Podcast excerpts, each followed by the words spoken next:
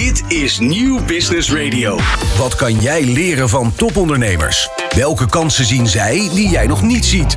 In de horeca, retail, e-commerce of welke branche dan ook. Dit is De Ondernemer Live met Jonathan van Noord. Naar een gloednieuwe uitzending van De Ondernemer Live. Vandaag hebben we weer een bomvolle uitzending in het vooruitzicht, maar wel eentje zonder René van der Zijl. De oprichter van XXL Nutrition hadden we eigenlijk te gast gehad, waar het niet dat René zich afgelopen vrijdag heel lelijk heeft verstapt. Hij heeft daarbij zijn beide quadriceps, dat is een bovenbeenspier, heeft hij afgescheurd en zodoende ligt hij in het ziekenhuis. René, mocht je toch kijken of luisteren, heel veel beterschap namens het hele team van De Ondernemer. Ondanks het ontbreken van René hebben we alsnog heel veel mooie gasten. Waar moet je dan aan denken? Internetondernemer Jeroen Derwoord. Die gaat het hebben over zijn nieuwe boek Scoren. We krijgen een nieuwe pitcher. We hebben onder andere de Nespresso onder de cocktailmachines. En we gaan het hebben over tassen van Veganleer. Kortom, weer een ouderwets volle uitzending. Laten we snel beginnen met De Ondernemer Live. Wat kan jij leren van topondernemers? Welke kansen zien zij die jij nog niet ziet? In de horeca, retail, e-commerce of welke branche dan ook. Elke ondernemer kent dezelfde uitdagingen. In De Ondernemer Live hoor je echte ondernemersverhalen. Elke dinsdag tussen 11 en 1 schuiven topondernemers en experts aan bij Jonathan van Noord op Nieuw Business Radio. Live meekijken kan via deondernemer.nl. Gisteren las je op de ondernemer dat 60.000 ondernemers met coronaschulden een betaalachterstand hebben bij de Belastingdienst. In een brief aan de Tweede Kamer schrijft demissionair staatssecretaris Marnix van Rij dat deze groep gezamenlijk een openstaande schuld heeft van 4,1 miljard euro. Bovendien heeft bijna een kwart van alle bedrijven met een coronaschuld een achterstand. Daarover praat ik met Ralf van Dam. Hij is schuldenexpert en een van de oprichters van hulpplatform Geldfit Zakelijk. Ralf, uh, welkom. Dankjewel, goedemorgen. Ja, Ralf, 60.000 ondernemers met coronaschulden hebben een betaalachterstand dus bij de fiscus. Ik vind dat een beetje een moeilijk getal om te duiden. Wat, wat zegt dit? Nou, dit, dit zegt dat het enorme aantallen betreft natuurlijk. Uh, ik denk wel dat je goed moet kijken naar uh, de achtergrond van de verschillende ondernemers. Hè. Wat je ziet is dat het vooral ondernemers zijn uh, in het midden- en kleinbedrijf. Dus het zijn de wat kwetsbare ondernemingen. En het zijn ook relatief lage schulden. Hè? Nou ja, wat heet laag? Hè? Uh, laten we zeggen tot maximaal 20.000 euro. Daar zit het gros van de ondernemers uh, in, in een schuldpositie. Uh, dat zou normaliter natuurlijk best overzien zijn, maar je hebt dus ook te maken met ondernemers met een relatief kleine exploitatie. Dus om het dan in te lopen is dat alsnog een enorme opgave. Maar dus het is goed om te kijken naar die 60.000 ondernemers, maar ook het verschil te maken wat voor type ondernemers zitten daar nou in. En Ralf, jij spreekt uh, in jouw praktijk hè, als, als uh, schuldenexpert, onder andere bij hulpplatform Geldfit Zakelijk, uh, op, op, op dagdagelijkse basis met, met ondernemers. Kan jij een beetje een beeld schetsen van wat voor soort ondernemers dit nou zijn, die in deze positie zijn beland? Ja. ja, dat zijn ondernemers die eigenlijk ook veelal voor corona wel in een kwetsbare positie zaten. Hè. Dus je ziet dat dat bedrijven zijn die of net wel of net niet levensvatbaar zijn dan natuurlijk die coronaperiode in zijn gegaan. En daarna natuurlijk de periode met uh, nou ja, stijgende inkomensprijzen en alle andere uitdagingen die we tegen zijn gekomen. Dus het is een optelsom geworden. Uh, dus het zijn wel, uh, als je goed doorkijkt, het zijn wel al de kwetsbare bedrijven die nu ook bovenkomen drijven, die deze betaalproblemen hebben. Ja, en dan gaat het om een openstaande schuld van 4,1 miljard euro. Ik vind dat een kolossaal bedrag. Hoe groot acht jij die kans dat dat alsnog terugbetaald gaat worden? Nou, ik denk dat een serieus percentage daarvan daadwerkelijk afgeschreven gaat worden. Ik heb het al eens eerder geroepen. Het is alleen zo dat we natuurlijk nu een soort pindakaasmethode hanteren. Hè? Dus er is lang uitstel geweest, elke keer weer uitstellen, uitstellen, uitstellen.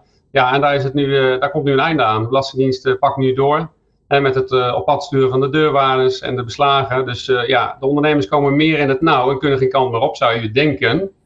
Maar niets is minder waar. Hè? Kijk, er is altijd nog een mogelijkheid om er wat aan te doen. En dat is ook mijn oproep vandaag ondernemers die dit horen en die in dit pakket zitten, kom nou in hemelsnaam in actie. Er valt echt heel veel te organiseren en te regelen als je daadwerkelijk die schuld gewoon in de ogen kijkt en het gesprek aangaat met je schuldeisers. Laat die kans niet liggen. Uh, maar wel natuurlijk onder voorwaarde dat je een levensvatbaar bedrijf hebt. Hè? Dus dat is een heel belangrijk criteria. Dat zegt Van Rij ook in zijn brief. Uh, het gaat natuurlijk wel om dat je bedrijf gezond is en een toekomst kan hebben zonder de schulden. We gaan het straks nog, uh, nog dieper hebben over de oplossingen, uh, Ralf. En ook wat, wat jouw rol uh, daarbij kan zijn. Dan wil ik toch nog heel even inzoomen op die groep ja, kwetsbare ondernemers. We hebben natuurlijk gezien in de coronatijd dat, dat veel geld naar, naar horeca-ondernemers ging. is jouw beeld ook dat bijvoorbeeld bij die groep deze schulden ook veel liggen? Ja, de branches die eruit springen zijn horeca, groothandel. Hè?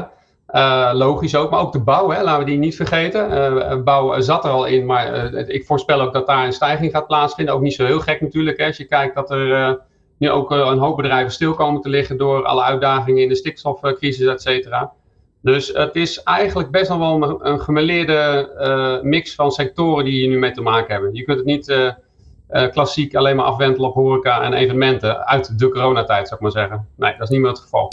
Dan wil ik heel even inzoomen op een uh, alinea uit het, uh, uit het nieuwsbericht. Wat dus te lezen is nog steeds op, op deondernemer.nl.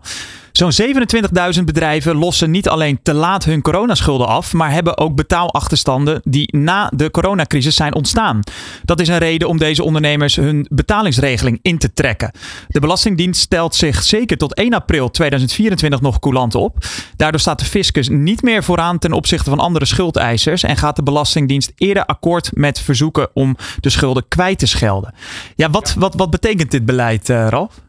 Nou, dit is eigenlijk heel gunstig voor de overige schuldeisers. De Belastingdienst zegt eigenlijk, uh, wij stellen ons op dezelfde hoogte als de andere schuldeisers. En dat betekent dat normaal gesproken gaat de Belastingdienst uh, voor. Hè? Die heeft een hoger percentage aan uitkering als je een schuld wilt saneren. Uh, en daar zien ze van af tot volgend jaar. Dus dat betekent voor de ondernemer dat hij een gunstige regeling kan treffen tussen al zijn crediteuren, inclusief de Belastingdienst.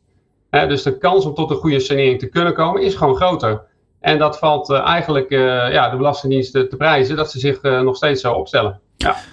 Ja, nu is, dit, is dit dus een geval van dat, dat zij het beleid eigenlijk weer vooruitschuiven hè, in, in het voordeel van, van de ondernemer. Verwacht jij dat ze dat nog vaker gaan doen? Of zie jij dit wel als een soort ja, harde stop 1 april 2024? Ik denk wel dat het een harde stop is. Hè? Als ik heel eerlijk ben, uh, en dan ben ik even ook advocaat van de duivel. De ondernemers die tot nu toe niet in actie zijn gekomen, verplichtingen niet nakomen, zowel de achterstanden als de lopende verplichtingen en het kop in het zand steken. Ja, met alle respect, die moeten zichzelf ook echt achter de oren gaan krabben. Uh, want uh, dan is er wel wat verwijtbaar. En daar ga je natuurlijk langzamerhand wel naartoe. Hè? Als natuurlijk dan zelfs volgend jaar april uh, ze nog steeds niet in staat zijn geweest om te handelen en nieuw perspectief te creëren voor zichzelf ja, in hoeverre is dat dan verwijtbaar? Hè? Je bent ondernemer. Je moet aan het roer gaan zitten, ook in slechte tijden, en actie ondernemen. En, uh, en niet uh, weggaan in een hoekje en uh, stil gaan zitten zijn, want dat werkt gewoon niet. Dat werkt tegen je uiteindelijk. En Ralf, om dat even concreet te maken, stel de kijken of luisteren nu ondernemers die dus nog geen actie hebben ondernomen. Wat is de eerste stap wat je dan eigenlijk gelijk moet doen? Ja, ik vind als je als ondernemer in deze situatie nu zit, het allereerste wat je moet doen is natuurlijk je huidige crediteuren informeren over je stand van zaken. Dat is één. Twee, je zal echt dus de hulplijn uit moeten slaan door een initiatief zoals Geldfit Zakelijk uh, te bellen en iemand naast je te gaan zetten die gaat objectiveren hoe je er nou voor staat. Ben je nou daadwerkelijk levensvatbaar, ja of nee? Als het antwoord is ja, maar er moeten aanpassingen plaatsvinden, dan kan je daarop gaan acteren. dus bijvoorbeeld door zo'n saneringsakkoord uh, te gaan uh, realiseren. Is het antwoord nee, je bent niet levensvatbaar, dan moet je ook in actie springen. Want dan moet je je bedrijf netjes gaan beëindigen en liquideren. En ervoor zorgen dat je er zonder al te veel kleerscheuren uitkomt. Dus linksom of rechtsom moet je als ondernemer aan het roer blijven staan. dus dat passieve in de koplampen kijken en niet acteren, dat is verwijtbaar. Dus dat moet je niet doen. Uh, je moet echt in je actiestand gaan staan, ondanks dat je even het perspectief mist. Juist misschien daarom, zou ik bijna willen zeggen. Ja. En Ralf, ondernemers uh, leren het liefst van andere ondernemers. Kan jij een uh, voorbeeld uit de praktijk geven hoe jij een ondernemer eigenlijk wel ja, uit de ellende hebt getrokken door, door echt aan de slag te gaan met, met zijn coronaschulden? Ja, nou eigenlijk afgelopen vrijdag nog een interview gehad met een horeca-ondernemer uit Hilversum. Uh, overigens bij jullie ook uh, geïnterviewd eerder. De Gulle Graaf, die is er ook heel open over. Dus ik zou bijna willen zeggen aan de luisteraars, bekijk dat interview ook nog een keertje bij jullie op de site. En um, ja, die heeft het gewoon aangepakt. Die heeft gewoon een tijdje lang ook stilgezeten en niet actie ondernomen. Maar op een gegeven moment toch geldfit zakelijk benaderd. Dan weliswaar via mij, maar gestart. En uh, ja, die is gewoon echt daadwerkelijk aan de slag gegaan met uh, zijn schulden op te lossen. De communicatie aangaan met de Belastingdienst, met geoverde schuldeisers. Is nu op zoek gegaan naar herfinanciering om zijn schulden ook daadwerkelijk af te kunnen gaan kopen. Ja, en die staat nu aan de vooravond van het afwikkelen van, uh, van die schuld. Ja, en weet je, dat geeft hem een totaal nieuw perspectief en nieuwe energie. En ik, ik voorspel dat hij ook gewoon door kan. Dat gaat, dat gaat lukken. Ja. Ja, en dat gun je een ondernemer natuurlijk ook. ja, dat hij weer gewoon aan de slag kan. Wat dat met hem doet, hè? als ik zie waar hij vandaan komt, wat hij heeft door moeten staan. hoe hij zichzelf ook hard heeft gemaakt om erdoor te komen. Hè? Dat is heel belangrijk. Hè? Hij blijft zelf ook staan gaat ervoor, blijft in communicatie goed aanwezig. De regie in handen, denk ik ook? Ja, ja, ontzettend belangrijk. Die ondernemer moet zelf ook de regie blijven houden. Dus, en dat doet hij heel goed. En dat maakt hem heel kansrijk. En ik moet zeggen dat ook uh, de Belastingdienst wordt vaak als, als boeman of boepartij gezien. Maar die zijn zeer meewerkend in dit soort situaties, merken wij. dus dus ehm, dat beeld moet ook een beetje bijgeschaafd worden. want anders gaan te veel ondernemers passief zijn. Ja. En, en om het toch nog even concreet te maken, dat traject van het oplossen van die schulden, heb je het dan over maanden, jaren? hoe lang zit je hier als ondernemer aan vast? Nee, de praktijk is dat het een paar maanden duurt als jij je boekhouding op orde hebt. Dus één is, hè, dat zeg ik altijd, één, eh, laat objectief bekijken of je bedrijf levensvatbaar is. Twee, daarvoor moet je boekhouding op orde zijn, year to date. Dus je moet precies weten waar je staat met je financiële cijfers. Als dat op orde is, dan kun je gaan kijken, oké, hoe kan ik nou ingrijpen om mijn schulden te gaan saneren, hè, naar een crediteurakkoord te gaan. En hoe kan ik ingrijpen in mijn exploitatie? Dus waar kan ik bijvoorbeeld wat meer kosten besparen, waardoor ik wat meer aflossingscapaciteit krijg, om dus mijn bedrijf te gaan herfinancieren en een saneringskrediet te gaan aanvragen. Waar je twee dingen mee doet. Eén, je koopt daar die schuld mee af in één keer. En twee, je kan met dat krediet ook je bedrijf willen ja, investeren en laten groeien naar de toekomst toe. Duidelijk verhaal, uh, Ralf. Dan, uh, dan heb ik nog, uh, ja, een, een, ja moet, moet ik zeggen, moet ik je nou feliciteren? Want afgelopen vrijdag vierde jij dus met jouw hulpplatform Geldfit Zakelijk jullie driejarig jubileum. Ja, is dat reden voor een feestje? Nee, tuurlijk niet. Kijk, ik ben blij dat het er is en dat we hebben aangetoond dat het werkt. Hè? 1 euro in het platform investeren, Geldfit Zakelijk en 6 euro's komen eruit. Hè? Maatschappelijke euro's heb ik het dan over. Hè? Dus maatschappelijke impact. Uh, daar ben ik super trots op. Maar het is natuurlijk triest dat het er, uh, dat het er moet zijn. En aan de andere kant, het, het vult een gat in wat er niet was. Dus dit soort faciliteiten waren er in Nederland niet op deze schaal, op deze manier. Dat is er nu wel. En ik hoop dat zoveel mogelijk ondernemers daar gebruik van gaan maken om weer uh, ja, te herstellen en weer te kunnen groeien. Want om nog het heel even duidelijk te hebben voor ondernemers die Geldfit zakelijk niet kennen, hoe helpen jullie concreet? Nou, 24-7 zit er een, eh, een team beschikbaar die eigenlijk te woord kan staan. Hè? Dus om uh, een, een luisterend oor te hebben naar jouw situatie. Het tweede wat, uh, wat ze doen is een uh, soort van quickscan. Hè? Dus ze kijken heel snel van hoe sta je ervoor en ben jij wel of niet levensvatbaar? Hè? Wat zijn de uitdagingen waar je voor staat? En het derde element wat ze doen is, ze kunnen je dan ook direct doorverbinden. Hè? Als, net als een soort huisarts naar een specialist. Naar interventies waar je echt mee aan de slag kan om weer boven je aan te komen. Duidelijk verhaal, uh, Ralf. Ben jij als ondernemer nou geïnteresseerd in Geldfit zakelijk en wil je kijken hoe ze jou misschien wel kunnen helpen? Kijk dan op geldfit.nl. Je luistert naar De Ondernemer Live. Elke dinsdag live van 11 tot 1 met Jonathan van Noord op Nieuw Business Radio.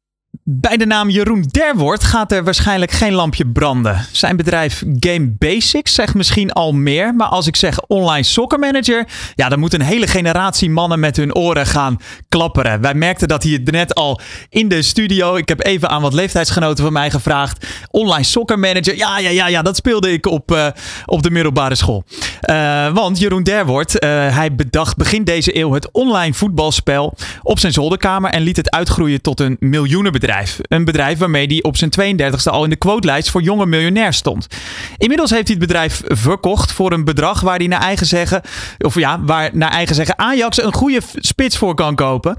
En over deze ondernemersreis, daar schreef Jeroen het boek Scoren van zolderkamer tot skybox over. Jeroen, welkom. Hallo. Leuk dat je er bent. Ja, online soccer manager. Voor mij was het een eh, trip down memory lane. We gaan het er straks nog uitgebreid uh, over hebben. Maar als jij het nou aan uh, het spel dus aan een vreemde moet uitleggen, wat zeg jij dan? Nou, je wordt eigenlijk manager van je favoriete voetbalclub. Dus dat is een bestaande club zoals Ajax, Feyenoord of PSV, maar kan ook in het buitenland zijn, Manchester City, Barcelona. Je kunt dezelfde club kiezen die, die je mooi vindt, zeg maar, waar je supporter van bent. En daar kan je dan een manager van worden. En dan speel je tegen je vrienden in de competitie. En uh, je kunt alles doen wat een manager doet. Dus spelers opstellen, um, de tactiek bepalen.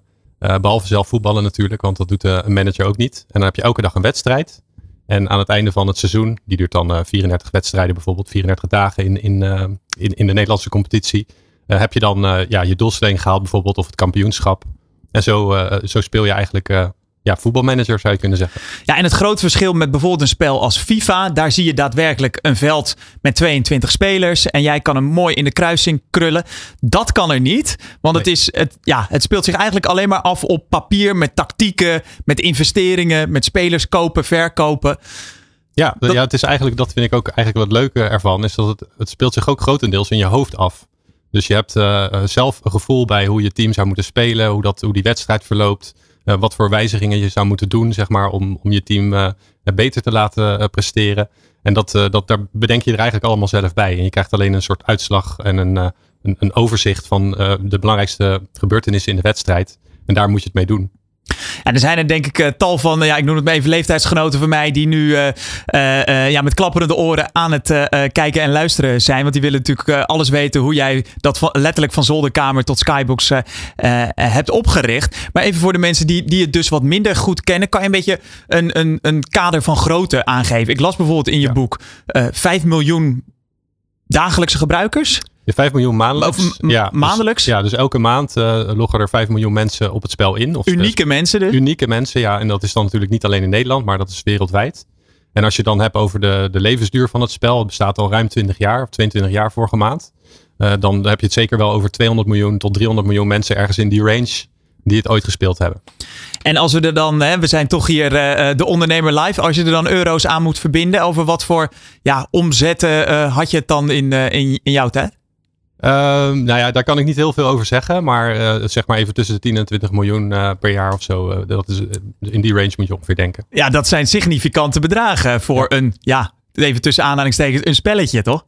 Ja, ja ik, ik, moest vroeger ook altijd uitleggen aan mensen van dat een spel geld kon verdienen überhaupt. Inmiddels zijn mensen daar denk ik al wat meer aan gewend. maar ja, natuurlijk is het gewoon hartstikke mooi als je met een hobby, uit de hand gelopen hobby, uiteindelijk dit, dit kan verdienen. Ja, zeker. En je besloot over de periode, want je hebt het in coronatijd uh, over verkocht. Daar gaan we het nog uitgebreid over hebben. Uh, uiteindelijk heb je besloten om daarna een boek over ja, de ondernemersreis van Online Soccer Manager uh, te schrijven. Ja. Waarom moest dit boek er komen? Nou ja, ik, ik vind het zelf, als ik, zeker als ik terugkijk naar hoe het gegaan is. Hè, het is een periode van ongeveer 20 jaar geweest. Um, en ik ben echt begonnen vanaf mijn zolderkamer. Um, heb ontzettend veel meegemaakt uh, in, in, in de, ja, de aanloop eigenlijk naar de verkoop van het, uh, van het bedrijf. En ook uh, verkoop werd op een gegeven moment ook een belangrijk doel om dat, om dat te realiseren. En ja, daar zitten gewoon heel veel leuke verhalen in en leuke ervaringen die ik vaker al met mensen deelde. En waarvan ik dacht dat is nou heel gaaf om daar een, ja, een boek van te schrijven. Dus alles te bundelen zeg maar en dat dan als een soort pakketje te hebben. Want laten we eens even zien. We, we, we ja. hebben kijkers en luisteraars. Ja. ja het is uh, een, een, een, een, flink dik, uh, dik boek ook uh, geworden. Over de 200 bladzijden. Dat dat dus... Ja, ja, ja. nou ja, dat, dat is mijn uitgever nog. Die heeft ongeveer de helft eruit gehaald. Dus ik had ongeveer 400, 400 pagina's zelf geschreven. En, maar ik moet zeggen dat het een heel goed idee was om er heel veel uit te halen. niet dat er nou hele belangrijke dingen dus ontbreken. Maar het is gewoon het is heel lekker leesbaar geworden. Dus je gaat er zo doorheen. Uh, en uh, ja, dan, dan is het beter om het iets dunner te hebben. Maar minder dan 220 pagina's zijn het nu, uh, kon ik er echt niet van maken. nee, duidelijk. Want het leest ook daadwerkelijk als een jongensboek, moet ik zeggen. Je, je begint eigenlijk als een, ja, je, je, je zegt het zelf, als een typische nerd op een, op een zolderkamer met programmeren op, op oude computers. Ja. En uiteindelijk, hè, voetballiefhebber, kom je toch wel uit op de, het, het eerste ja, idee eigenlijk van, uh, van online uh, soccer manager. Neem eens even mee naar, naar, naar, die periode. Hoe zag Jeroen er toen uit? En hoe zag uh, het internet er misschien toen wel uit? Ja, nou ja, Jeroen zag er in ieder geval zo uit dat hij heel erg met computers bezig was. Ik was, nou ja, echt wat je zegt, een, een, een nerd zou je het nu noemen. Dus de, heel erg, nou ja, bezig met wat kan ik op, met computers doen. En ook met school was ik bijvoorbeeld niet eens zo verschrikkelijk veel bezig. En met sociale contacten had ik eigenlijk niet zo heel erg veel. Dus ik gamede ook veel.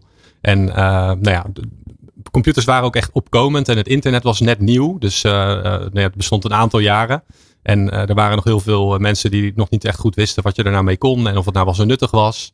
En, nou, games op internet waren al helemaal dun gezaaid. Dus die, die waren er bijna niet. Kon maar, denk ik het internet ook misschien niet eens zo goed aan. Hè? De, uh, over de snelheden en zo. De, nee, nee. Vermoed ja, ik als leek. Hè? Want ik weet hier niks van af. Nee, hele grafische dingen waren natuurlijk sowieso al niet mogelijk. En Online Soccer Manager is ook in de basis, hè, wat je net al zei, is een soort tekstgebaseerd spel. Dus je hebt wat plaatjes en je hebt wat tekst. En dat was toen ook nou ja, precies mogelijk om het zo maar te zeggen. Om dat via internet te draaien. En ja, ik, ik was heel erg geïnteresseerd in voetbal inderdaad. Ik was ook heel erg bezig met internet en wat ik dan zou kunnen maken. Ik had ook wat andere kleine experimentjes gedaan met websites. En toen dacht ik in één keer van ja, het zou toch heel vet zijn als je een voetbalmanager op internet kan spelen. Want dan kan je ook tegen je vrienden spelen. En dat kon tot dan toe nog niet. Je had wel uh, voetbalmanagement games die nu ook nog steeds bestaan.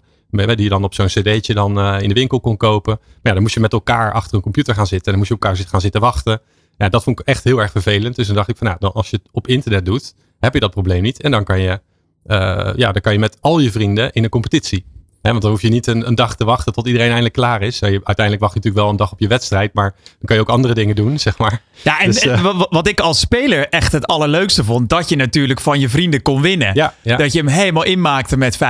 En dat je op het schoolplein kon zeggen van, nou, wat jij uh, voor opstelling hebt gedaan, dat, uh, dat sloeg nergens op. Ja, ja, dat is ook echt denk ik een van de sterktes van het spel. Dat je gewoon met elkaar er, er, er, erover praat. En ja, het is dus niks leuker natuurlijk om van vrienden of familie te winnen collega's. En dan uh, iemand anders uit te lachen. Ja, alleen al, soms verlies je ook wel eens een keertje. Dan moet je misschien even iemand ontlopen. Maar ja, het is wel een, uh, dat, dat sociale aspect is inderdaad heel erg belangrijk. Maar dan verzint dus een, uh, een nerd op een zolderkamer. Die, die verzint een spel. Zet het online. Ja, als je zo weinig sociale contacten hebt. Dan ja, hoe, hoe zorg je ervoor dat, dat die spelers komen?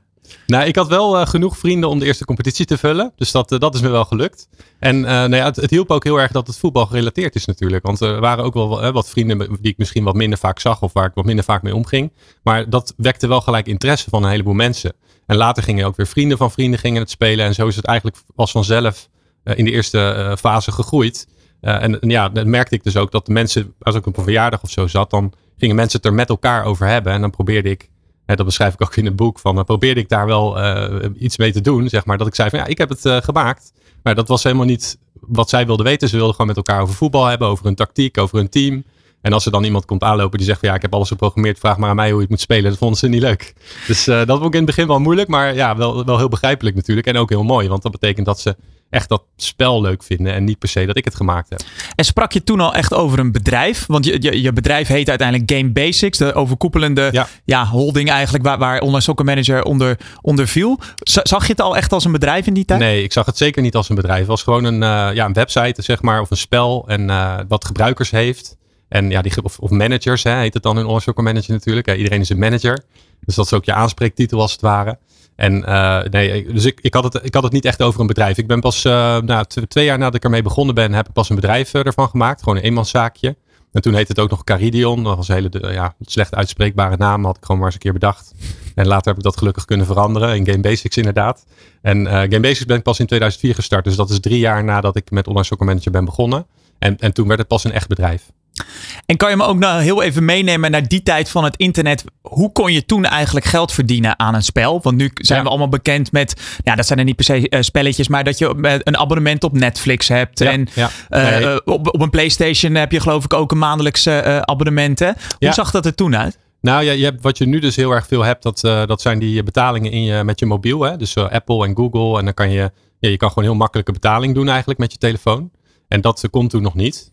Dus uh, wat, ik, uh, wat ik heb gedaan, ik heb ook abonnementen uh, bedacht.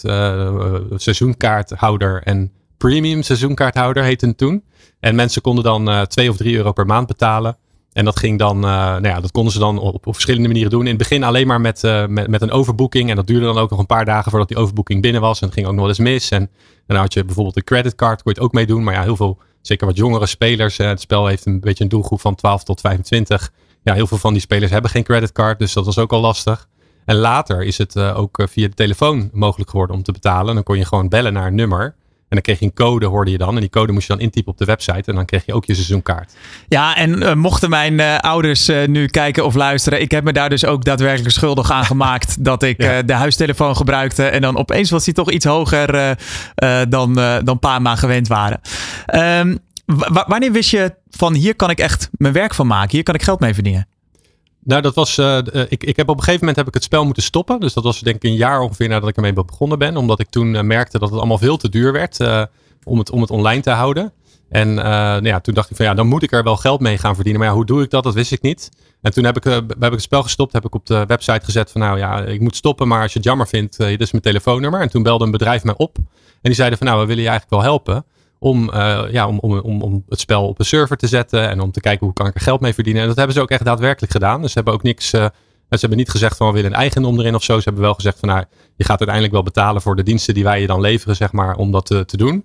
Maar uh, daar heb ik natuurlijk ontzettend veel geluk mee gehad dat, ze, dat, dat, dat dat is gebeurd. Want anders was het allemaal, had ik hier ook niet gezeten, dan was het allemaal uh, misschien voor iets anders, wie weet. Maar niet voor online soccer manager in ieder geval. Dan was het gewoon gestopt op dat moment. En uiteindelijk, omdat ik toen zag dat er echt het geld ook binnenkwam, ik twijfelde daar zelf ook wel aan. Want, want om, dat eens even tastbaar te maken, wat, wat, uh, met welk advies kwamen zij?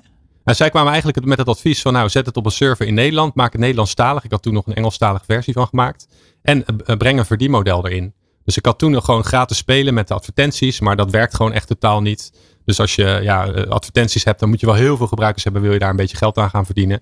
Nou, dat, uh, dat, dat lukte gewoon echt niet om, om dat uh, rendabel te maken. Dus ging ik dat doen met, met die seizoenkaarten. En zij had me ook ja, uitgelegd hoe ik dan een betaalmethode moest koppelen. En zodoende werd het echt een bedrijf. En nou, daar hebben zij een grote rol in gehad. En je gaat dan eigenlijk van programmeur naar ondernemer. Wat is voor jou de, ja, de grootste hobbel die je daarin moest nemen? Uh, nou, het was echt wel heel lastig om, om, om, ondernemer te worden. Ik, ik, vind het ook een beetje een aparte ja, beroepsterm of zo, weet je wel. Dat, ik, heb, ik weet ook niet precies wanneer ik me echt ondernemer voelde. Maar Um, ja, ik, in het begin was ik helemaal niet bewust ook van uitgaven, inkomsten, dat soort dingen. En, en, we hebben ook heel lang onze boekhouding door een externe partij laten doen en helemaal niet gekeken wat er nou echt gebeurde. En uiteindelijk pas in 2006, dus dat is vijf jaar nadat ik begonnen ben met Online Soccer Manager, hebben, hebben wij gezegd van nou, we willen echt inzage hebben in, um, in, in wat er precies gebeurt. En we gingen personeel aannemen natuurlijk ook en dat soort dingen. Dus toen voelde ik me wel echt ondernemer. En dat, dat is ja, maar goed, ik heb echt alle fouten gemaakt, denk ik, die je maar kan verzinnen hoor. Dus, uh, nou ja, laten we daar eens uh, even op, uh, op inzoomen. Want het boek staat ja, bomvol mooie anekdotes uit die tijd. eentje daarvan is dat, dat je je eerste werknemer aanneemt, maar die blijkt ja, toch niet zo heel sociaal te zijn. Is dat een van de missers die, die je hebt gemaakt? Ja, in het begin was vooral personeelsbeleid, als je daarover kan, van kan spreken. Maar het aannemen van mensen, dat ging eigenlijk helemaal niet goed. We hadden vooral mensen die heel erg enthousiast waren of waarvan we iets in onszelf herkenden. Ik, ik had ook een compagnon, dus daarom zeg ik even wij. Ja, we gingen dat type mensen aannemen. We gingen niet kijken of ze nou echt konden wat, wat we wilden dat ze deden. Hè, dus de rol die ze hadden, dat ze, goed konden programmeren of iets. Dat, dat, daar keken we niet naar. Dus toen kregen we inderdaad een, iemand die autistisch was, iemand die dyslectisch was, iemand die totaal niet sociaal vaardig was. En dat soort types kregen we binnen. En dat, dat heeft ons wel heel veel tijd in ieder geval gekost en energie om daar overheen te groeien en uiteindelijk wel goede mensen aan te nemen. En toen gingen we ook pas groeien. Dat is daarvoor lukte dat gewoon niet. Dan wil ik toch nog, ook nog even inzoomen op een andere mooie anekdote die ik erin tegenkwam. Uh, nou ja, jullie hebben dus online soccer manager en dan opeens staat het grote Sega. In die tijd was dat echt nog groot. Hè? Dus een beetje de tegenhanger van Nintendo en uh, uh, Sony PlayStation. Die staat opeens, ja, eigenlijk per brief bij jullie op de mat. Er valt een brief op de mat. Vertel eens. Ja. Nou, ik was er wel doodsbang voor hoor. We kregen, kregen inderdaad een, een cease and desist letter. Dus echt zo'n brief van nou, je moet stoppen met je activiteiten. Ze vonden dat het, uh, de naam van het spel te veel op hun spel leek. Ze hadden een spelvoetbalmanager. Wij noemden online soccer manager in het buitenland toen nog online voetbalmanager. Dus ze zeiden van ja, dat is eigenlijk gewoon inbreuk op ons merkrecht. En uh, ja, jullie moeten gewoon stoppen met het hele spel. Dat zeiden ze. En dat was echt een hele keurige brief, zeg maar. Dus, en met dreigende taal erin. Dus we hebben toen een, uh, nou ja, eerst dachten van ja, wat moeten we hiermee? Toen hebben we een hele. Maar ook met boetes en zo? Van als je... Ja, zeker. Ja, per, per dag 10.000 euro of oh, zo. Dat was echt, ja, het ging echt heel hard. Um, en, en ja, we hebben toen uh, wel even nagedacht natuurlijk. En dachten, ja, we moeten toch proberen. Dus hebben we gewoon de duurste advocaat die we konden vinden, zeg maar, op de Zuidas gebeld. En uh, ja, die heeft toen een briefje teruggeschreven. Die zei ook al heel snel van, nee joh, daar kunnen ze, ze kunnen je niks maken. En, uh, ja, maar toch. Ik denk wel van, ja, wij zijn super klein, zijn super groot. Als ze willen, kunnen ze ons helemaal kapot procederen natuurlijk. Nou, gelukkig hebben ze dat niet gedaan. En toen we dat briefje stuurden, toen, toen stopten ze gelukkig met, met verdere pogingen. We hebben één keer later nog, nog een keer een brief trouwens gekregen. Echt precies, hebben we zelf precies dezelfde brief op teruggestuurd. En uh, niks meer van En daarmee was de koek af. Ja, zeker ja. Kijk eens aan, kijk eens aan. Straks praten we verder met Jeroen Derwoord over OSM en hoe hij uiteindelijk een duizelingwekkend bod heeft gekregen dat hij niet kon weigeren. De pitch. Ben jij degene met een briljant idee en ben je op zoek naar funding of een investeerder? Dit is De Ondernemer Pitch. Maak jouw plan wereldkundig binnen één minuut. En dan gaan we nu door naar de pitch. Misschien wel het leukste moment uit de uitzending. Wekelijks krijgt een ondernemer namelijk uh, die op zoek is naar funding en een hemelbestormend idee heeft, die krijgt de kans om zijn bedrijf en zichzelf onder de aandacht te trekken. Er is één regel, de pitch duurt één minuut. Bij ons is aangeschoven nog een Jeroen, namelijk Jeroen Zevenbergen. Welkom. Uh, het product van zijn bedrijf, ja, dat heb je nodig in het kleinste kamertje. Jeroen, in één minuut, de floor is yours. De pitch. Ben jij degene met een briljant idee en ben je op zoek naar funding of een investeerder? Dit is de ondernemer Pitch. Maak jouw plan wereldkundig binnen één minuut. Mijn naam is Jeroen Zevenbergen en ik heb begin dit jaar vijf maanden in Ghana gewoond om toiletpapier met boeren te maken. Wij, de Good Roll, staan namelijk voor radicale ketenverandering. Op dit moment komt 14% van de ontbossing vanuit de toiletpapierindustrie en daarnaast hebben 2,3 miljard mensen geen toegang tot schone, veilige sanitatie. Dat is de why van de Good Roll. Vanaf 2017 verkopen wij gerecycled en bamboe toiletpapier. En vanaf 2024 worden wij het eerste Fairtrade toiletpapier. Met honderden Ghanese boeren die onder de armoedegrens leven, gaan we samenwerken. Hun bamboe gebruiken we voor onze pulp, geproduceerd in onze eigen fabriek in Ghana. We verkopen het in Europa, daar waar de vraag naar toiletpapier het hoogst is. Waarom? Omdat wij sinds 2018 50% van onze winst doneren aan onze foundation. Om toiletten te bouwen bij Ghanese scholen. En dit zullen we altijd blijven doen. En daarom zijn wij Toilet Paper de Builds Toilets. Ja, mooi hoor. En dan komt nu het belletje. Ja, of zijn we eh, keurig op tijd? Kijk, daar is hij. Goed zo. Ja, Jeroen van The Good Roll. Ja. jullie maken eigenlijk toiletpapier waar je als eh, gebruiker, wat we allemaal zijn, je niet schuldig over hoeft te voelen. Hè? Ja, dat klopt ja. ja. En je zegt het in, uh, in Ghana. Jij zat in Ghana. En hoe kwam je bij de Good Roll terecht? Uh, nou, we zijn uh, op een gegeven moment kwamen we erachter dat je dus met bamboe toiletpapier kan maken. Dat deden we in eerste instantie en op dit moment nog steeds halen we die bamboe uit China. Eigenlijk waar alle bamboe toiletpapier vandaan komt. Want daar worden grote bamboebossen, die worden daarvoor aangeplant. maar toen kwamen we erachter dat we in Ghana, waar we al zaten met onze foundation, dat we daar dus, dat er heel veel bamboe groeit. En toen dacht ik, nou goed, hoe tof zou het zijn als je die hele keten zelf radicaal kan veranderen. Uh, en in plaats van dat je een bamboe inkoopt, dat je samen met die boeren die dus onder die armoedegrens leven, dat je daarmee toiletpapier gaat maken. Uh, dus dat, uh, dat zijn wij gaan doen. En ik ben inderdaad zelf naar Ghana geweest begin het jaar, vijf maanden. Om gewoon eens te kijken van goed, dit is natuurlijk een heel leuk verhaal op papier. maar ja, werkt het ook? Ja, eh, even, even de praktijk bekijken natuurlijk. Ja, precies. En, uh, en het werkt. Uh, de boeren daar die, die zijn heel enthousiast. Wat, wat goed is om te weten is dat bamboe is eigenlijk een soort onkruid. Dus het, het groeit daar op het land van boeren. Overigens, boeren daar, dat is niet zoals hier strakke weilanden, maar dat zijn gewoon stukken, stukken land van anderhalf hectare. Maar goed, dat groeit daar als een soort onkruid, wordt afgebrand of het groeit daar gewoon, het woekert over het land. en toen hebben wij gezegd, goed, wat nou als wij een eerlijke prijs voor die bamboe kunnen gaan betalen? Dan genereer je en een extra inkomstenbron voor die boeren. Ehm, en daarnaast help je die boeren uh, om, om dus uh, een beter leven voor hun en hun familie te, te creëren. En daarnaast ga je ook die ontbossing tegen door met bamboe te werken. Um, dus, dus, dat zijn we toen gaan doen. En hoe onderscheidend zijn jullie? Want er zijn natuurlijk tal van uh, ja. ja. toiletpapiermerken. Ja, klopt ja. Ja goed, er zijn zelfs ook een, een aantal grote bamboe toiletpapiermerken. Maar waar we echt in onderscheiden is het stukje dat wij die hele keten zelf gaan beheersen.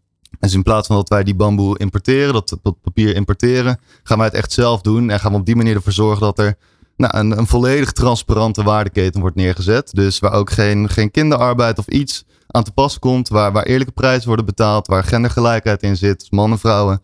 Um, dat, dat gaan wij realiseren. Uh, en en ja, wij, wij vinden dat ontzettend belangrijk. En kan je een beetje inzoomen op dan het verdienmodel?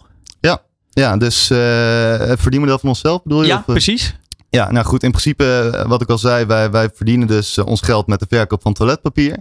Uh, op dit moment gerecycled en bamboe toiletpapier, maar langzaam zijn we die shift aan het maken naar echt alleen bamboe. Uh, Wa waarom? Uh, omdat wij zien dat uh, de, de gerecycled toiletpapier wordt steeds duurder. Omdat er een, een tekort komt aan papier. Uh, dus je merkt dat er minder papier wordt gebruikt. Überhaupt op kantoren bijvoorbeeld. Dus er is minder om te recyclen en dus wordt het duurder. Dus die grondstof wordt een stuk duurder. en omdat wij dus zien dat wij op deze manier die hele keten kunnen veranderen. dus gaan we met, met bamboe gaan we volledig focussen op bamboe. We zien dat die vraag, zeker ook in het buitenland. We zitten nu bijvoorbeeld in de UK sinds deze zomer zien wij dat die vraag naar bamboe toiletpapier gewoon ontzettend hoog is. Dus daar, daar verdienen we ons geld aan, aan de verkoop van toiletpapier. Dat doen wij in B2C, dus echt met abonnementsmodellen. Dus we hebben nu ongeveer maar ruim 13.000 abonnementshouders die elke paar weken een, een doos toiletpapier thuis krijgen worden opgestuurd. Uh, daarnaast focussen op B2B, dus echt de volumes, dus, dus hotels, restaurants, kantoren. En een stukje retail, dus liggen bij de Jumbo, bij, bij Pieter Pot, Crisp, kan je ons allemaal krijgen. Dus daar, daar focussen we op, dat zijn eigenlijk de kanalen voor ons inkomen. En wat we doen is 50% van onze winst doneren we aan, aan de foundation. de Good World Foundation heet die ook. En daarmee bouwen we dus die toiletten in Ghana. Dus bij scholen, waar op dit moment dus eigenlijk vaak helemaal geen toiletten zijn. en mensen dus zichzelf in best wel onveilige, onhygiënische situaties manoeuvreren om naar toilet te gaan. Bouwen we daar dus toiletten. En om het wel duidelijk te maken dat jullie daadwerkelijk echt een bedrijf zijn hè, en geen goed doel. Hoe meer jullie verkopen, hoe meer toiletten er uiteindelijk kunnen komen. Ja, precies. Dus dat is ook de reden dat wij echt zeggen, goed, we maken inderdaad die pulp in Ghana. Eh, omdat we daar met die boeren kunnen doen. Maar we willen het wel verkopen op dit moment in Europa. Vooral Nederland, België, UK. Op een gegeven moment willen die stap maken naar de Verenigde Staten natuurlijk. Omdat ja, we zien dat in het, het westen is de vraag naar toiletpapier het hoogst. En in ons geval betekent een hoge afzet uh, als het goed is, een hogere winst. En hogere winst betekent meer scholen bouwen in, uh, in Ghana. Jeroen, het enige waar ik gelijk over nadacht van oké, toiletpapier uit Ghana. Is dat dan niet heel vervuilend? Moet dat niet ingevlogen worden of met vervuilende schepen? Ja. Of ben ik zo naïef dat toiletpapier überhaupt al uit het buitenland komt? Uh, nou, het meeste toiletpapier op dit moment komt uh, echt vanuit uh, Scandinavië. Dus het normale toiletpapier, dat, dat wordt veelal in Scandinavië vanuit de houten hier naartoe getransporteerd. Uh, wat je nu ziet, en daar zijn we ons al uh, onderscheidend in aan het maken, is dat, wat ik al zei, het bamboe toiletpapier wereldwijd komt nu uit China, allemaal. Uh, en wat er eigenlijk gebeurt is, de meeste partijen die importeren toiletrol vanuit China. Nou, om even ter, beeld, ter beeldvorming, als je een toiletrol, dat is de grond in een vierkant container, dan verscheep je heel veel lucht. dus wat wij aan het doen zijn op dit moment al vanuit China, ze importeren die pulp in plaats van de toiletrollen. Nou, in een 40 voet container, dus gewoon zo'n grote container die je op een schip ziet, uh, past ongeveer 12 ton aan toiletrollen en 36 ton aan pulp. Dus dat is wel uh, een, een, een, flinke efficiëntieslag. Uh, dat zullen we blijven doen, ook in Ghana. Dus we gaan echt focussen op die pulp maken in Ghana en dat verschepen naar Europa in plaats van die toiletrollen. En dan heb je tot op zekere hoogte gewoon nog wel een duurzaam ja, concept zeker, eigenlijk. Zeker, ja, ja absoluut je zit hier ook om, om geld op te halen. Niet alleen om, uh, om je idee heel, uh, heel goed te vertellen, want dat heb je gedaan. Ja. Uh, waar ben je nou op zoek? Nou, we zijn op dit moment een volledige fundingronde aan het doen van 5,5 miljoen euro. dat doen we enerzijds om een, een, even kijken, een miljoen op te halen voor Nederland. sorry, anderhalf miljoen op te halen voor Werkkapitaal Nederland. om de operatie hier te laten draaien. We zijn 3 miljoen aan het ophalen om een grotere fabriek in Ghana te bouwen. Om dus echt aan die volumes te komen grote fabriek, dat houdt in een fabriek waar je ongeveer 200.000 toiletrollen per, per dag uit kan halen. Dus dat is wel oh, dat, dat is significant, voor, mijn, uh, voor mijn gevoel. Ja, dat is heel groot. Maar goed, de vraag is er ook naar. Dus alles wat we daar gaan produceren is uh, op papier al verkocht. Dus we willen hem zo snel mogelijk bouwen. Uh, en dan nog een miljoen aan werkkapitaal gaan ook. Dus in totaal 5,5 miljoen, die hele ronde. en op dit moment zijn we eigenlijk nog op zoek naar 1,8 miljoen aan equity.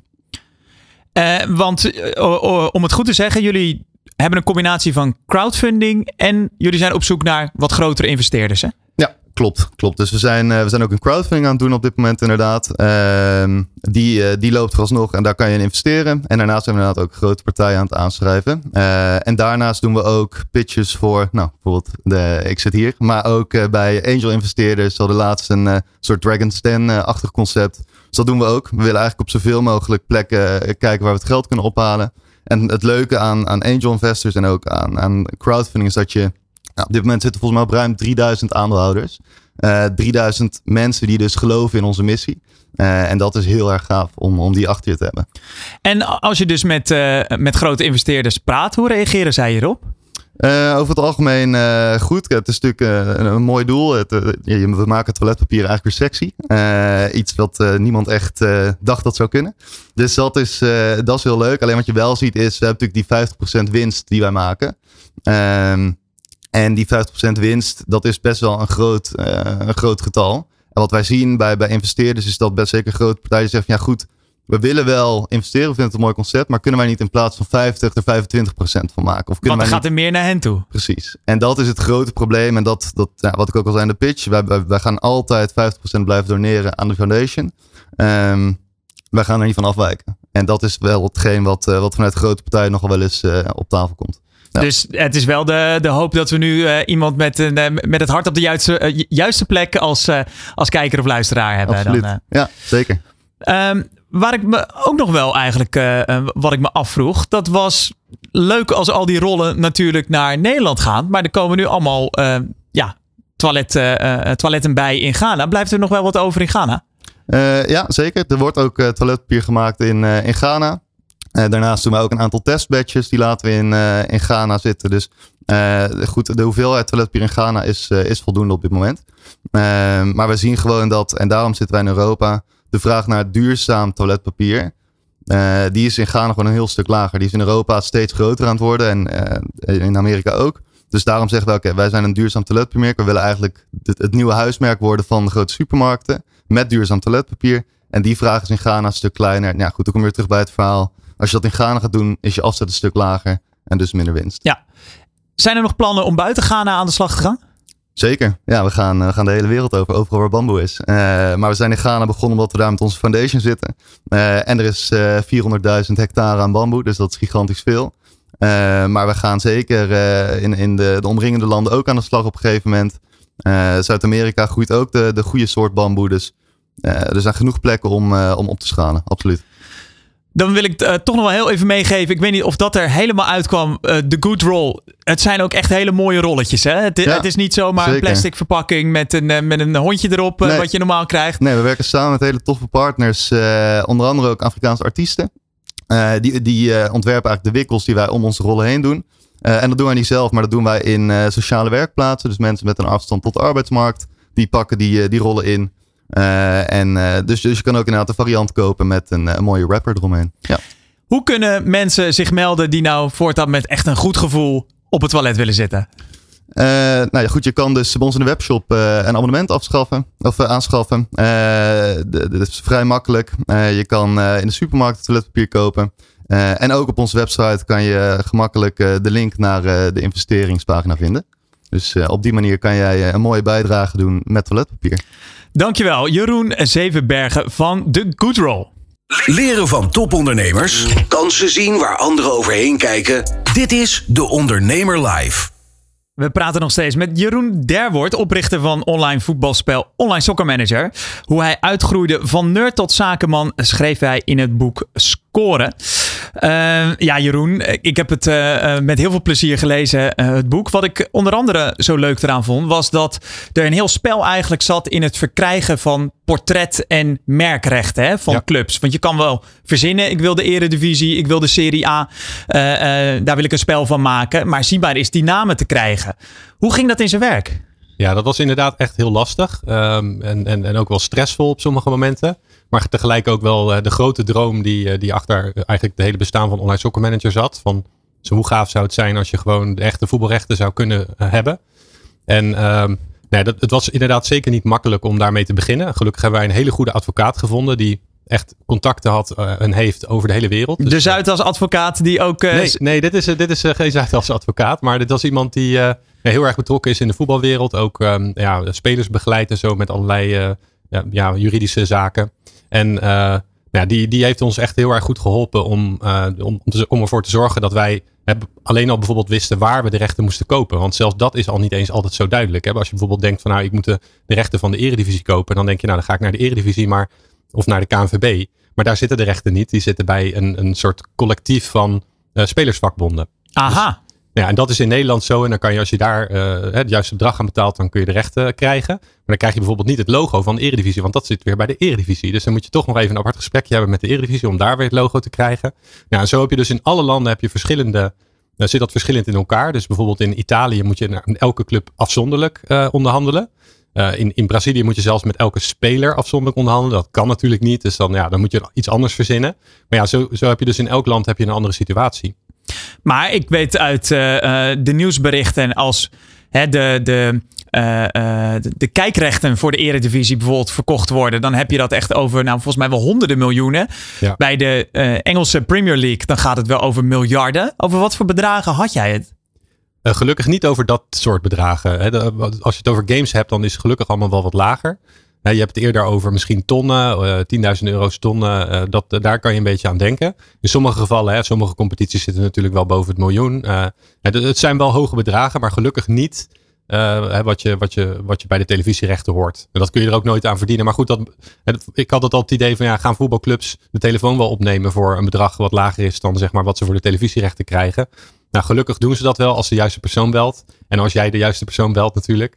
Uh, dan doen ze dat wel. Maar het, is zeker niet makkelijk. Dus het is echt een, ook wel een, ja, ik zal zeggen, een soort van een voordeel dat Online Manager over die rechten beschikt. En dat de concurrentie dat niet doet. En ook als de concurrentie dat wel zou willen, ja, dan is dat gewoon een heel kostbaar, moeizaam proces. Wat jaren duurt. En ja, dat is het mooi dat, dat Online dat uh, heeft bereikt. Wat ik ook een ontzettend interessante uh, ja, conclusie eigenlijk uit het boek vond. Dat vooral in Arabische landen het spel ontzettend populair was. Hoe, hoe kwam je daarachter? Ja, dat was toen de tijd, uh, en dan heb je het dus nu al echt over uh, ruim tien jaar geleden. Uh, dat was dat eigenlijk helemaal niet zo duidelijk dat dat zo was. Ik denk als nu mensen zeggen van ja, in, Arab in de Arabische wereld is voetbal populair, zeggen ja, natuurlijk, want Ronaldo is naar Saudi-Arabië gegaan. Ja. Allerlei dure spelers worden er gekocht. Het wordt steeds belangrijker daar. Je hebt natuurlijk het WK in Qatar gehad. Iedereen ziet het Een soort prestigeproject, hè, wordt het voor hen ja, ook. Uh, iedereen, ja, iedereen ziet het nu wel. En heel veel clubs worden natuurlijk door, door Arabische landen eigenlijk ja, bestierd, zou je kunnen zeggen. Dus dat is nu niet meer zo gek. Maar toen was dat wel. Ja, niemand had, had daar een benul van. Wij ook niet. We werden op een gegeven moment benaderd door een partij in Jordanië dan. Hè, want dat was een beetje een centraal land waar wat het hoofdkantoor van, van MacTube heette dat. Dat was een, een, een groot portal waar heel veel uh, mensen op kwamen die Arabisch spreken. En die zeiden van, nou, wij, wij willen wel uh, jullie spel op ons portal hebben. Maar goed, toen moesten we het natuurlijk wel nog in het Arabisch vertalen. En wij hadden geen idee hoe su succesvol dat zou worden. Alleen we dachten wel van, nou, als zij het zeggen en zij gingen er ook echt wel uh, goed bij helpen. Voor ons om dat mogelijk te maken, dan zal het wel, wel werken. Ja, en dat heeft ook echt ontzettend goed gewerkt. Online Soccer is na Nederland zeg maar in de Arabische wereld is denk ik de meest populaire regio. Dus dan heb je het echt over landen als Saudi-Arabië inderdaad, maar ook uh, Dubai of uh, Verenigde Arabische Emiraten, uh, Qatar, Kuwait, nou ja, en, en, ook Egypte bijvoorbeeld. En daar zijn heel veel spelers van Online Soccer Manager. Ja, en opvallend was ook dat het niet alleen Jan met de pet is, zou ik maar zeggen, die daar speelt. Maar ook tot in ja, bijna de koninklijke loge van de, van de Skyboxen, daar werd Online Soccer Manager gespeeld, toch? Ja, we, we, hadden, we hadden op een gegeven moment door dat er sommige spelers heel veel geld in het spel uitgaven. En dan moet je echt denken aan 10.000, 20.000 euro. En dat is best veel. De meeste mensen geven dat niet uit. En meestal houden ze het bij nou, maximaal tientjes als ze echt heel erg fanatiek zijn. En ja, dat kwam uit die regio. Dus we hadden zoiets hoe kan dat? En op een gegeven moment hadden wij een, hadden we iemand op bezoek uh, van dat bedrijf MacTube dus. En die vertelde ook tegen ons van ja, die hele uh, zware accounts, zeg maar, die dus heel veel geld uitgeven. Dat zijn, dat zijn niet de mensen zelf die dat geld uitgeven, maar dat zijn mensen die voor hen dat account beheren. Die krijgen dan een budget. Hè, en dan is er een sheik en die, die wil gewoon graag winnen. Dus dan krijgen ze een budget en dan kunnen ze dat budget kunnen ze in online soccer manager uitgeven. Zodat de sheik tegen zijn vrienden kan zeggen ik heb van jou gewonnen. Maar ah, daar hoeft hij dan zelf bizar. eigenlijk niks voor te doen. Ja, het is, uh, het is vrij bizar.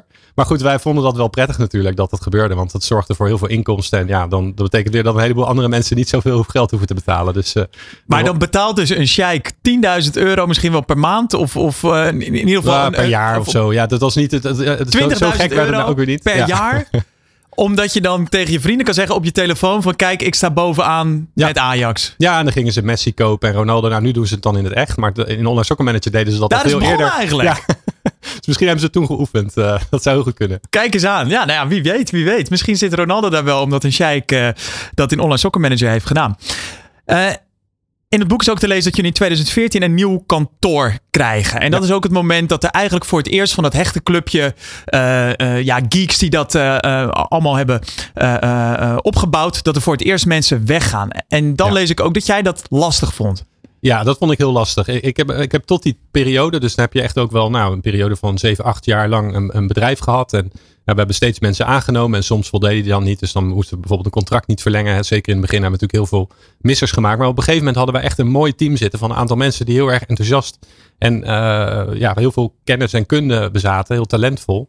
En die groeiden ook met het bedrijf mee. En ja, op die manier ja, werd dat steeds, uh, voelde dat heel goed. Maar op een gegeven moment gingen mensen dus zeggen van ja, ik, ik voel me hier niet meer thuis. Of ik, uh, ik vind dat ik te weinig verdien. Of ik vind dat uh, de omstandigheden niet goed zijn. Mijn stoel moet beter. dat soort dingen, weet je wel. Of er valt licht op mijn scherm. Of, ja, het waren echt hele kleine dingen. Ik moet voor mijn lunch betalen. En ja, toen gingen ze dus ook gewoon weg. En dat voelde ik in het begin als een persoonlijke belediging. Van ja, hoe ga je nou weg bij het leukste spel wat er bestaat. Weet je wel? Dat, dat, dat vond ik echt heel lastig om dat maar te werd het te groot dan voor, ja, voor jou om, om, te managen? Het werd sowieso te groot voor mij om, om iedereen uh, voldoende aandacht te geven. En, en ik had dus ook eerder, als het ware, of in ieder geval op dat moment zijn we daar ook wel mee begonnen. Maar dat was natuurlijk een teken aan de wand dat er dingen uh, niet meer goed gingen. En het was ook gewoon wel een, veranderende fase van het bedrijf. Want ja, daarvoor was het ook echt een, een, een hecht clubje. Dus als je dan iets riep, dan kon, wist iedereen het meteen. Iedereen was betrokken bij alle processen. Ja, als je natuurlijk boven de nou ja, 30 man waren we toen ongeveer. Als je daar boven gaat komen, ja, dan moet je echt overlegjes gaan hebben. En dan, ja, dat kantoor was natuurlijk ook heel anders. Was veel groter, veel eigenlijk bombastischer. Het was echt een voetbalstadion, zo zag het eruit. Heel tof natuurlijk. Dus dan verwacht je al helemaal niet dat mensen daar, zich daar niet thuis voelen. Maar het is iets heel anders dan ja, een soort familiair vriendenclubje, zeg maar, wat het, wat het daarvoor was. Dus ja, achteraf, als ik er nu weer naar terugkijk, kan ik heel goed begrijpen waarom sommige mensen dachten van, nou, dit past niet bij mij. Ik ga wat anders zoeken. Was voor hun waarschijnlijk ook gewoon het beste. Maar ja, wij, ik zat er toen wel mee dat ik dacht van, ja, ik moet nu ineens, hè, we moeten juist nu doorpakken en we moeten groeien. En we hebben die mensen juist hard nodig, want die hebben superveel kennis. Maar wat heb je daaraan gedaan? Want je ziet dat mensen bij je weggaan, dat je de grip op je bedrijf misschien zelfs een beetje verliest. Wat, wat doe je dan? Nou ja, ik, ik heb uh, natuurlijk hè, de arbeidsvoorwaarden verbeterd. En ik heb uh, nou, geprobeerd om aan hun wensen tegemoet te komen. Dat was gewoon ook niet altijd mogelijk. Hè. Dus in sommige gevallen denk je ook van nou, misschien is het, gaat dit wel heel ver wat mensen vragen. En je moet natuurlijk ook altijd weer in de gaten houden wat andere mensen bijvoorbeeld weer verdienen. Dus ik vond dat sowieso altijd een van de allerlastigste onderdelen hoor. Van het, het managen van personeel. Is gewoon heel erg, vind ik heel erg lastig ook van wel, ja, wat verdient iemand. En ja, is dat dan, past dat dan bij, ja, je moet kijken, past het bij zijn rol, niet past het bij de persoon. En mensen gaan het heel erg persoonlijk spelen. Dus ja, ik, ik vond het altijd moeilijk. Maar we hebben het uiteindelijk eh, wel tot staan gebracht. Ook omdat gewoon eh, het verloop wat er toen eigenlijk moest gebeuren, is ook gebeurd. En uh, we hebben bijvoorbeeld een manager operations toen aangenomen. En dat was iemand die ging echt gewoon nou ja, met mensen praten. En die leek eigenlijk helemaal niet zoveel te doen. Maar die was heel erg bezig met van nou, zit iedereen op zijn plek? Heeft iedereen naar zijn zin? Ook bijvoorbeeld een aantal talentvolle programmeurs die dreigden weg te gaan. Uh, en wat een beetje wat moeilijkere types waren, als het ware. Gewoon in hun, in hun omgang, wat ik zelf ook was vroeger. Uh, misschien ben ik nu iets makkelijker geworden, wie weet. Maar ja, die, werden, kregen dan wat extra aandacht van hem. En daar ging hij dan eens even goed mee praten. Wat ze nou echt dwars zat en wat ze nou echt graag wilden. En nou, dan uh, binnen de grenzen van het redelijke konden we daar gewoon aan, aan voldoen. En daardoor hebben we er gewoon voor gezorgd dat ook die mensen, die, er zitten, een aantal van hen zitten er gewoon nog steeds. En dus dan heb je het erover dat ze meer dan tien jaar al bij dat bedrijf werken. Dus dat vind ik ook heel mooi om te zien. Uh, en, bijvoorbeeld iemand werkt niet vanuit het buitenland omdat hij dat graag wil. Maar dat kan dan ook, weet je wel. Dus dat, dat soort dingen. En dan, uh, ja, dan, dan kan je ze gewoon behouden en dan kan je door. Dus dan laat je ja, eigenlijk de dagelijkse uh, gang van zaken iets meer, neem je er iets meer afstand van. Ja. En dan kan jij meer de lange termijn uh, bekijken eigenlijk. Ja, en dat, dat is, was voor mij echt een, een hele goede zet. Want ik was tot dat moment, voelde ik me helemaal als een soort, in een soort moeras wegzakken. Van allemaal functioneringsgesprekken, weet je wel. Dan had ik er veertig of zo. Ja, en die moet je dan in een paar weken doen. Ja, ik ging daar echt kapot aan letterlijk. Ik, ik, ik, ik viel ook af en zo. Het was echt het was echt heel slecht voor mij, zeg maar. En toen ik op een gegeven moment dacht van nou, ik was natuurlijk al langer bezig dan om uh, maar te kwam je zelf met dit, uh, met dit idee? Of, of heeft iemand dit tegen je gezegd? Uh, nee, ik heb dat wel opgehaald. Ik, ik praat altijd met heel veel ondernemers om me heen, zeg maar. Van, nou, wat doe jij dan? Wat doe jij dan? En toen kwamen we op een gegeven moment erop van, nou, we willen ik, ik, had ook een compagnon en wij, we sparden veel samen. En toen zeiden we van ja, we willen onszelf eigenlijk misbaar maken. Dat we niet meer per se nodig zijn in dit bedrijf. En dat is ook altijd goed als wij een keertje vakantie willen of er gebeurt iets met ons. En, en toen hebben we uh, nou ja, gezegd van dan moet er een manager operations komen. Want die kan al die dingen waar wij zelf tegen opzien. Hij vond het ook allemaal niet zo leuk, dat soort dingen. Um, ja, die kan dat van ons overnemen. En dan moet er gewoon iemand zoeken die dat leuk vindt en die daar goed in is. En die bestaan gewoon. Dus dat vond ik ook wel ja, mooi om te zien. Uh, soms denk je dan dat, ja, dat niemand wil dat doen of zo. En niemand in een bedrijf zag ik dat ook doen. Dus we hebben ook echt wel even iemand van buitenaf moeten halen. Maar uh, ja, toen, toen viel echt een last van mijn schouders. En wat leverde dat dan concreet weer voor jou op? Welke stap kon jij daardoor gelijk maken? Nou, op dat moment uh, was ik heel erg bezig ook met het binnenhalen van de voetbalrechten. Was ik bezig met een nieuwe versie van Online Soccer Manager. Die begon in, uh, die, die is uiteindelijk gelanceerd in 2016. Maar er werd is twee jaar aan gewerkt. En dat was ook een hele belangrijke stap voor, voor OSM en voor het bedrijf ook. Iedereen was daarmee bezig, dus daar kon ik me veel meer op focussen. Uh, en verder ook op het, het verkoopproces, want ik was ook bezig met het verkopen van het bedrijf. Ik wilde het heel graag onderbrengen bij een grotere studio die meer games in het portfolio zou hebben, zodat het een stevigere basis zou hebben. En dat was ook een, ja, een heel zwaar proces. Ik ben er zeven jaar mee bezig geweest. heel veel partijen gesproken. Het is, soms is het op het allerlaatste moment afgekapt. En nou ja, uiteindelijk is het ook wel gelukt. En ja, de, extra ruimte die ik kreeg, kon ik natuurlijk heel goed gebruiken voor dat proces. Wanneer wist je, want daar gaan we ook zo langzaam maar zeker naartoe, van ik moet een stap terug gaan doen? Ja, uh, nee, dat was op een gegeven moment toen er een verkoopproces afkapte. Dat was, ik denk dat dat de, de, tweede of de derde was waar ik in zat. in ieder geval de tweede serieuze. en dat is, zo'n verkoopproces vond ik echt wel heel zwaar. Je, je wordt een soort van beoordeeld en dan word je ja, afgewezen, zo voel je het. En je moet er zoveel voor doen en dan ja, gebeurt er uiteindelijk dus niks. En toen dacht ik van ja, nu moet ik het overgeven en nu moet iemand anders het gaan proberen. En als ik zelf een stap terug doe, kan de ander uh, het verkopen, zeg maar. En dan hoef ik er zelf ook niet bij, nog jaren bij het bedrijf te blijven, wat heel vaak wordt geëist. Want je vond dat, pro, uh, dat proces van verkoop, dat vrat aan je? Uh... Ja, dat, was echt heel, dat vond ik echt heel zwaar. Waarom ja. dan? Nou ja, je moet zoveel doen. Hè? Dus er wordt echt, je wordt op een soort beoordeeld. Hè? Dus je krijgt echt van, nou, je, moet cijfers aanleveren en dan je moet een verhaal houden. Mensen moeten je verhaal dan ook geloven, om het zo maar te zeggen. Van wat gaat het dan doen en wat is het dan waard? Ja, en, en, en dan zit je heel lang in heel erg veel spanning. Want als het lukt, heeft het ontzettend veel invloed op je leven. En ja, op, op, het bedrijf. Op alle mensen om je heen eigenlijk. En als, het, als het dan niet lukt, ook. Maar op een hele andere manier.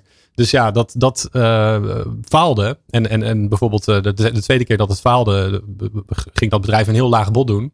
Waarvan ze waarschijnlijk zelf ook al wisten dat we dat niet zouden accepteren. Maar ja, dan denk je wel van, ja, waarom doen ze zo'n laag pot? Hè? Wat, wat is er aan de hand met, met het bedrijf? Wat, wat doen wij fout?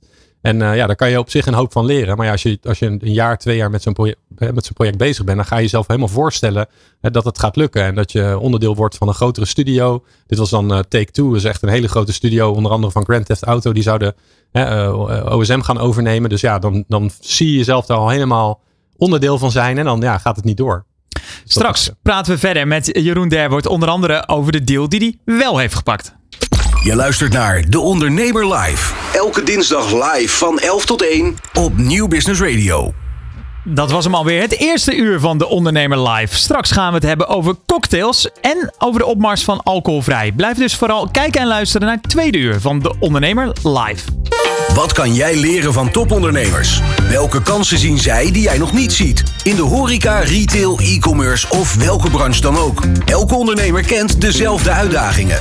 In de Ondernemer Live hoor je echte ondernemersverhalen. Elke dinsdag tussen 11 en 1 schuiven topondernemers en experts aan bij Jonathan van Noord op Nieuw Business Radio. Live meekijken kan via deondernemer.nl.